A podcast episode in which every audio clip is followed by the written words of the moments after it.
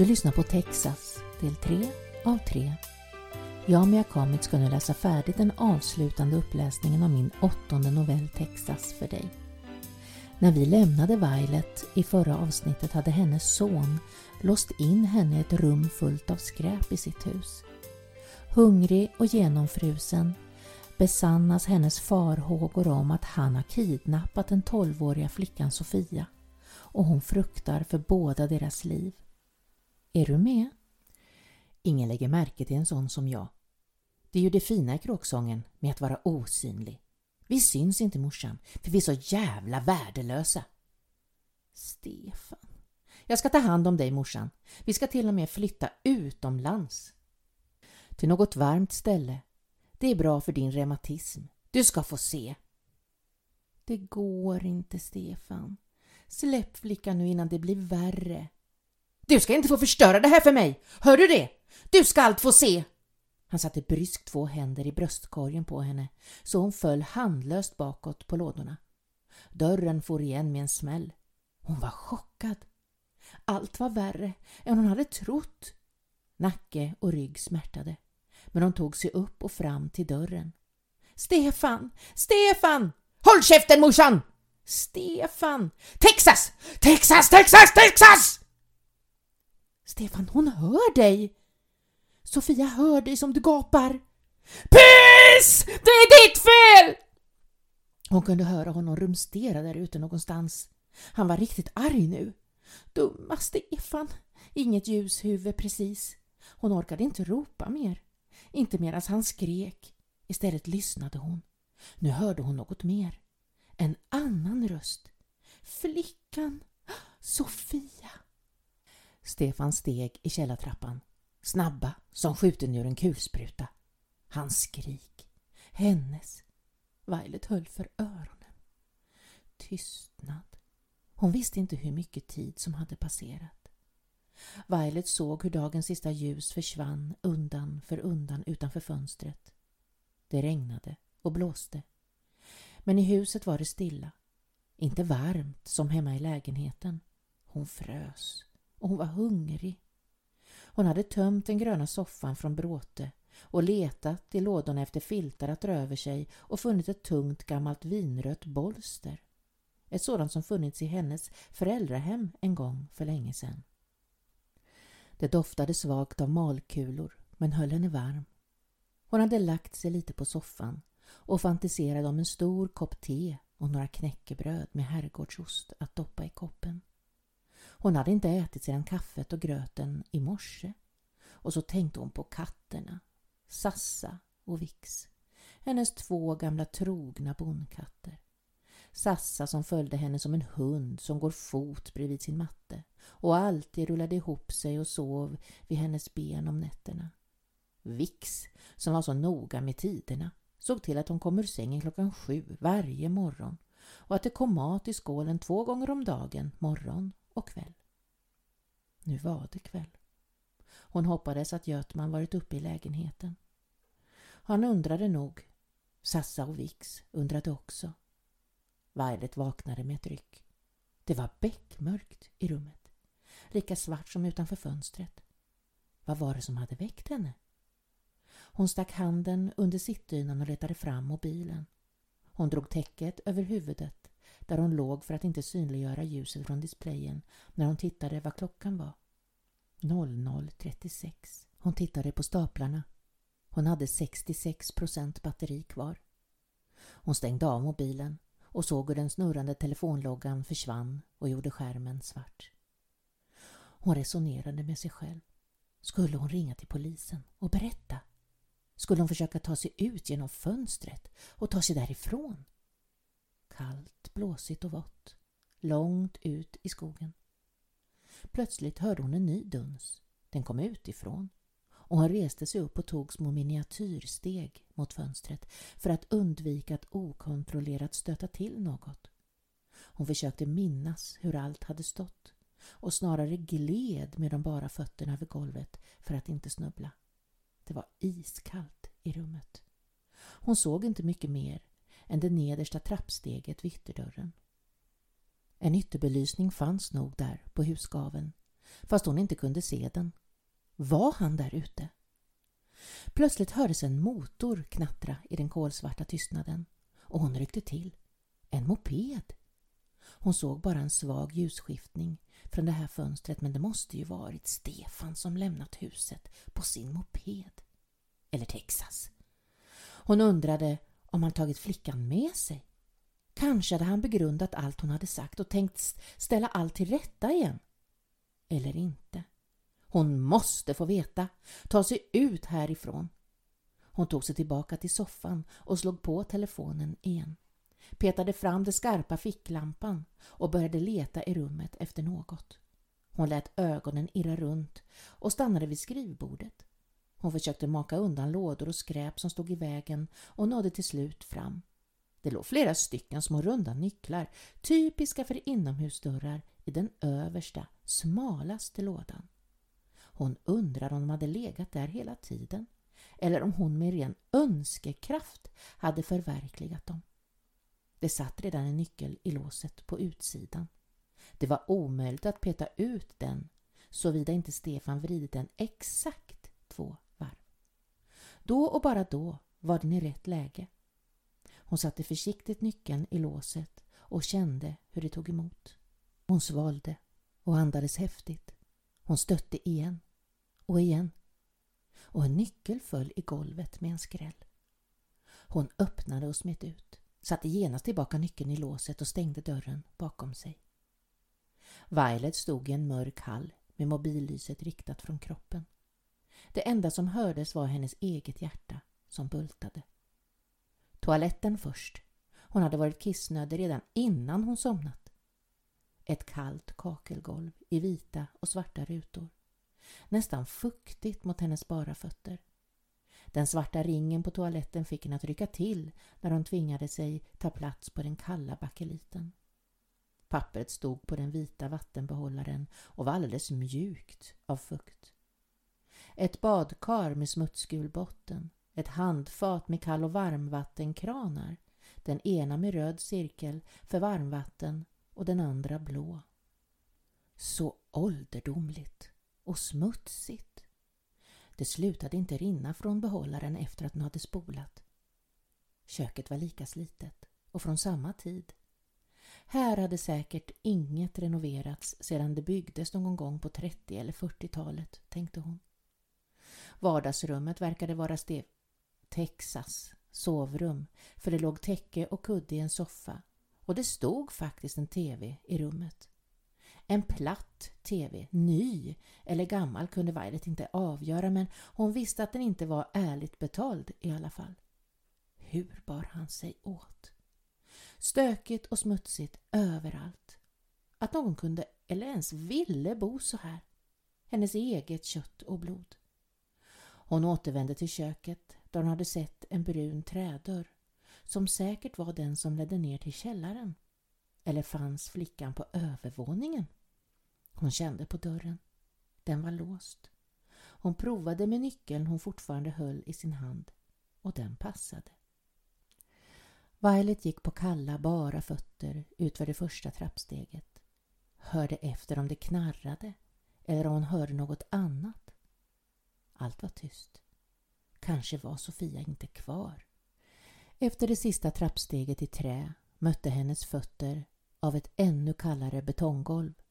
Mobillyset var skarpt och lyste upp väggar och tak med rör och ledningar, högar med tidningar och annan bråte och flera stängda dörrar. Den första var olåst och ledde in till ett pannrum. Det luktade olja eller diesel, vad visste hon? Nästa dörr var låst. Hon fumlade med nyckeln, men den passade inte. Låsen var inte detsamma här nere. Hon tog ett hastigt beslut och knackade på dörren. Sofia? provade hon försiktigt. Sofia? Ja? Flickans röst var svag och ynklig men kom snabbt och Violet föreställde sig hur rädd hon måste vara. Har han skadat dig? Lite. Fryser du? Ja. Har du fått något att äta? Ja, lite blåbärssoppa. Jag behöver kissa. Jag kan inte öppna dörren, vännen. Hjälp mig, snälla! Violet kunde höra hur flickan började snyfta. Sofia, började hon igen. Du, jag måste gå igen, men jag ska tänka ut något. Nej, gå inte! snyftade hon. Gå inte ifrån mig! Jag kan inte öppna dörren, vännen, men jag ska tänka ut något. Vänta bara! Ring polisen, snälla! Jag vill åka hem nu! Det var svårt för Violet att lämna flickan ensam, men hon var tvungen. Medan hon rörde sig bort från den låsta dörren ropade hon till henne. Säg inte att jag har varit här och pratat med dig, Sofia. Då går det illa för oss. Vänta nu bara, så tänker jag ut något. När Violet kom upp i källaren stod Texas redan på hallmattan. Hon hade inte hört mopeden där nere. Han hade inte varit borta länge alls. Hon stod som förstenad i köket, tryckt mot källardörren. Hon hörde hur han gick mot henne med bestämda steg och hon smitt in bakom en halvvägg som delade rummet och skapade naturligt hörn för matbord i anslutning till spisen och köksbänken. Därifrån syntes hon inte från källardörren och hon tryckte krampaktigt mobiltelefonen mot kroppen för att hindra ljusskenet att avslöja henne. Han slog upp källardörren och tog stegen med så tunga dunsar att hon trodde att trappan skulle ge vika under hans fötter. Men i larmet passade hon på att kvickt tassa tillbaka till sitt rum och försiktigt och ljudlöst stänga dörren och lägga sig under bolstret i soffan. Hon stack tillbaka mobilen under dynan igen. Dörren var nu olåst, men kanske skulle han inte upptäcka det och förstå att hon lämnat sitt fängelse. Minuterna gick och rummet var svart. Hon kunde inte höra något från källaren och mindes att hon inte hört mopeden. Skriken hade hörts, men nu var det ingen som skrek. Han gjorde väl henne inte illa. Tretton år! Hon borde ju verkligen ringa polisen. Men tänk om man hörde henne. Hon borde varit så rättrådig att hon gjort det medan han var borta. Men det var ju hennes lille pojke. Nej, det var det inte. Texas var inte hennes pojke. Hon var så trött. Det var så länge sedan hon hade ätit eller druckit något. Hon borde ha druckit lite vatten när hon passerat köket. Men hon hade inte tänkt tanken just då. Vad gjorde han där nere? Hon blundade för att höra bättre i mörkret och hon märkte inte ögonblicket närma sig då hennes kropp gav vika för utmattningen och hon somnade. Sven Götman hade ingen mer kattmat att ge de två kärvänliga figurerna som strök sig runt hans ben. Han tyckte att det var konstigt att Violet inte hade hört av sig. Hon hade varit borta i tre dagar nu och det var verkligen inte likt henne. Han öppnade och stängde alla skåp och garderober. Han var på jakt efter torrfoder till djuren, men det fanns inget. Det var överhuvudtaget ganska tomt i skåpen. Han fick låna lite av grannen bredvid. Hon hade också katter. Efter förmiddagskaffet tog han tidningen och gick ner till Astrid Johansson. De delade på kostnaden på tidningen och nu var det hennes tur att få läsa. De hade bott bredvid varandra i 14 år innan de kom på den ljusa idén att dela tidning. Han hade hämtat posten åt henne i alla år utan att en endaste gång tänka tanken först ett halvår sedan. Han tänkte på pengarna han hade kunnat spara. Äh, förmodligen hade de gått åt till en extra bingolott eller skraplott som var hans stora passion. Har du hört från Violet? började han när han försiktigt la lokaltidningen på Astrids köksbord. Nej, hon är alltså inte hemkommen än? Nej. Hur länge är det hon har varit borta nu? Ja, det är väl tredje dagen idag. Ja, det är inte jättelänge men väldigt olikt henne. Hon lämnar väl aldrig sina katter? Nej. Hon brukar alltid handla om torsdagarna. Kattmaten är slut. Jag har bakat kringlor, sa Astrid och nickade mot en liten transparent påse där det prydligt låg fem fina kringlor. Hm, sa han och tog påsen. Astrid visste att det betydde tack och att han snart skulle sitta vid sitt köksbord och doppa i sin kaffekopp och sörpla och låta det droppa ner på sin slitna, smutsiga slipover. Hon skakade lite på sitt huvud när han gick och stängde dörren efter sig. Hon såg efter honom genom fönstret. Imorgon skulle han komma igen, hämta hennes post, lämna dagens tidning, berätta om man sett eller hört något i samhället efter någon av sina otaliga cykelrundor. Allt var värt att notera, stort och smått.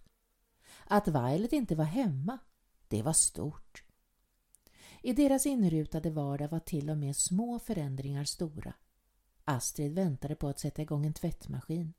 Violet brukade hjälpa henne att hänga upp den färdiga tvätten. Hon behövde byta rent i sängen också. Det var Violet som brukade hjälpa till med det. Ge växterna i fönstret bakom soffan lite vatten. Hon nådde inte fram dit med sin rullstol. Få lite hemhandlat, mjölk, yoghurt och smör. Hon var snart utan. Det var Violet som skötte allt det där och i utbyte bjöd hon på kaffe och en bulle eller en kringla som hon bakat. Ibland åt de mat tillsammans. Violet som var så rastlös och alltid satt som på nålar längst ut på stolen. Beredd att när som helst flyga upp och iväg. Hon stannade aldrig en lång stund men för Astrid gjorde det stor skillnad. Astrid var bekymrad. Violets telefon var avstängd. Att hon hade lämnat katterna så där kunde Astrid inte bli klok på. Och kattmaten som var slut. Det var något som inte stod rätt till. Så var det. Torbjörn Larsson hade fått samtalet klockan 11 på torsdagsförmiddagen. En Astrid Johansson ville anmäla sin försvunna grannfru, Violet Israelsson. Vad har vi? undrade kriminalassistent Johanna Dag. Försvunnen pensionär i Perslundsområdet. Jaha, halkat i ett dike? Nej, bad en granne mata katterna. Planerad resa då, sa Johanna ointresserat. Mm, muttrade Torbjörn med ögonen på datorskärmen. Vad? Violet Israelsson har sjukpension och bostadsbidrag. Inga pengar att jaga efter då, svarade Johanna och bet på en penna. En son. En son, härmade Johanna. Texas. Texas? Ja, det är ett underligt namn. Men vänta, tidigare Stefan Israelsson. Texas känner jag igen. Har han blivit dömd ett par gånger? Mm. Har haft lite samröre med Tobbe och hans mc-bös. Bös? Buller, öl och snus, svarade Johanna rappt. Det betyder det väl inte? Kanske inte, men det borde göra det. Fast mest hänger han väl med de andra A-lagarna. Tragisk figur. Han har ett hus i Bockebotorp. Men då är väl hans mamma där då? Ja, men tanten som ringde verkade orolig. Grannen Violet brukade aldrig vara borta länge. Lämnade aldrig sina katter. Kattkvinnor, sa Johanna. Sådana har vi ju stött på några stycken. Mm, hummade Torbjörn fortfarande försjunken i informationen han läste på skärmen medan han scrollade med musen. Men det här är nog inte en sån. En sån vadå? En sån kattkvinna som du menar. 20 katter i en tvåa. Piss, stank och misär. Nähä. Nej, jag tror vi åker på det här. På det lilla? Borde vi inte skicka ett par uniformer först och reka? Det kanske sitter där och äter kaviarmackor och spelar Fia som bäst. Kaviarmackor? Ja. Fy sören så äckligt. När Torbjörn och Johanna kom till det vita 40-talshuset i Bockebotorp var det tyst som i graven. Men när de ringde på dörren hörde de hur en dörr slog där inne. De stod tysta och väntade. Men när tunga snabba steg i en trappa bröt tystnaden lämnade Torbjörn Johanna och sprang runt på baksidan. Där fanns mycket riktigt en källardörr som Texas Israelsson precis som Torbjörn hade gissat nu kom utflygande ur. Med handfängsel förde de båda utredande poliserna tillbaka mannen in i huset. De hörde snart någon ropa från den öppna källardörren och fann den tärda men välbehållna Sofia Hammenhag bunden vid några vattenrör i källaren. Snart var det slumrande huset förvandlat till en brottsplatsundersökning som vimlade av människor, alla med sina olika specialuppgifter. Dörrar öppnades och stängdes, fötter sprang hit och dit, upp och ner. Johanna Dag stod i dörröppningen till ett rum fullt av lådor och bråte. Ser ut som någon har sovit här, sa hon till Torbjörn som pratade med åklagare Kajsa Klar på sin telefon. Hon gick fram till den gröna soffan där det stora bolstret låg och förde det åt sidan. Hon ryggade tillbaka. Fan Torbjörn! skrek hon. Det ligger en död person här! Vad säger du? Torbjörn sprang de få stegen till hennes sida med telefonen fortfarande tryckt emot örat. Violet Israelsson. Det måste vara hon. Har han haft ihjäl henne? Torbjörn strök det ljusa långa håret åt sidan och la två fingrar på den livlösa kvinnans hals. Puls! Jag känner puls. Vi måste få hit en ambulans. Fort! Tack för att du har lyssnat. Vi kan inte göra mer än vårt bästa. Jag tycker Violet var stark och modig. Jag hoppas att hon snart är hemma hos sina katter igen. Tack och lov för goda grannar. Nästa gång ska jag berätta för dig om min nionde novell Magda. Den handlar om ett traffickingoffer och hennes märkliga framfart. Hoppas du blir nyfiken och vill fortsätta att lyssna. Ta hand om dig nu tills vi hörs igen. Hälsningen från mig, Mia Kamitz.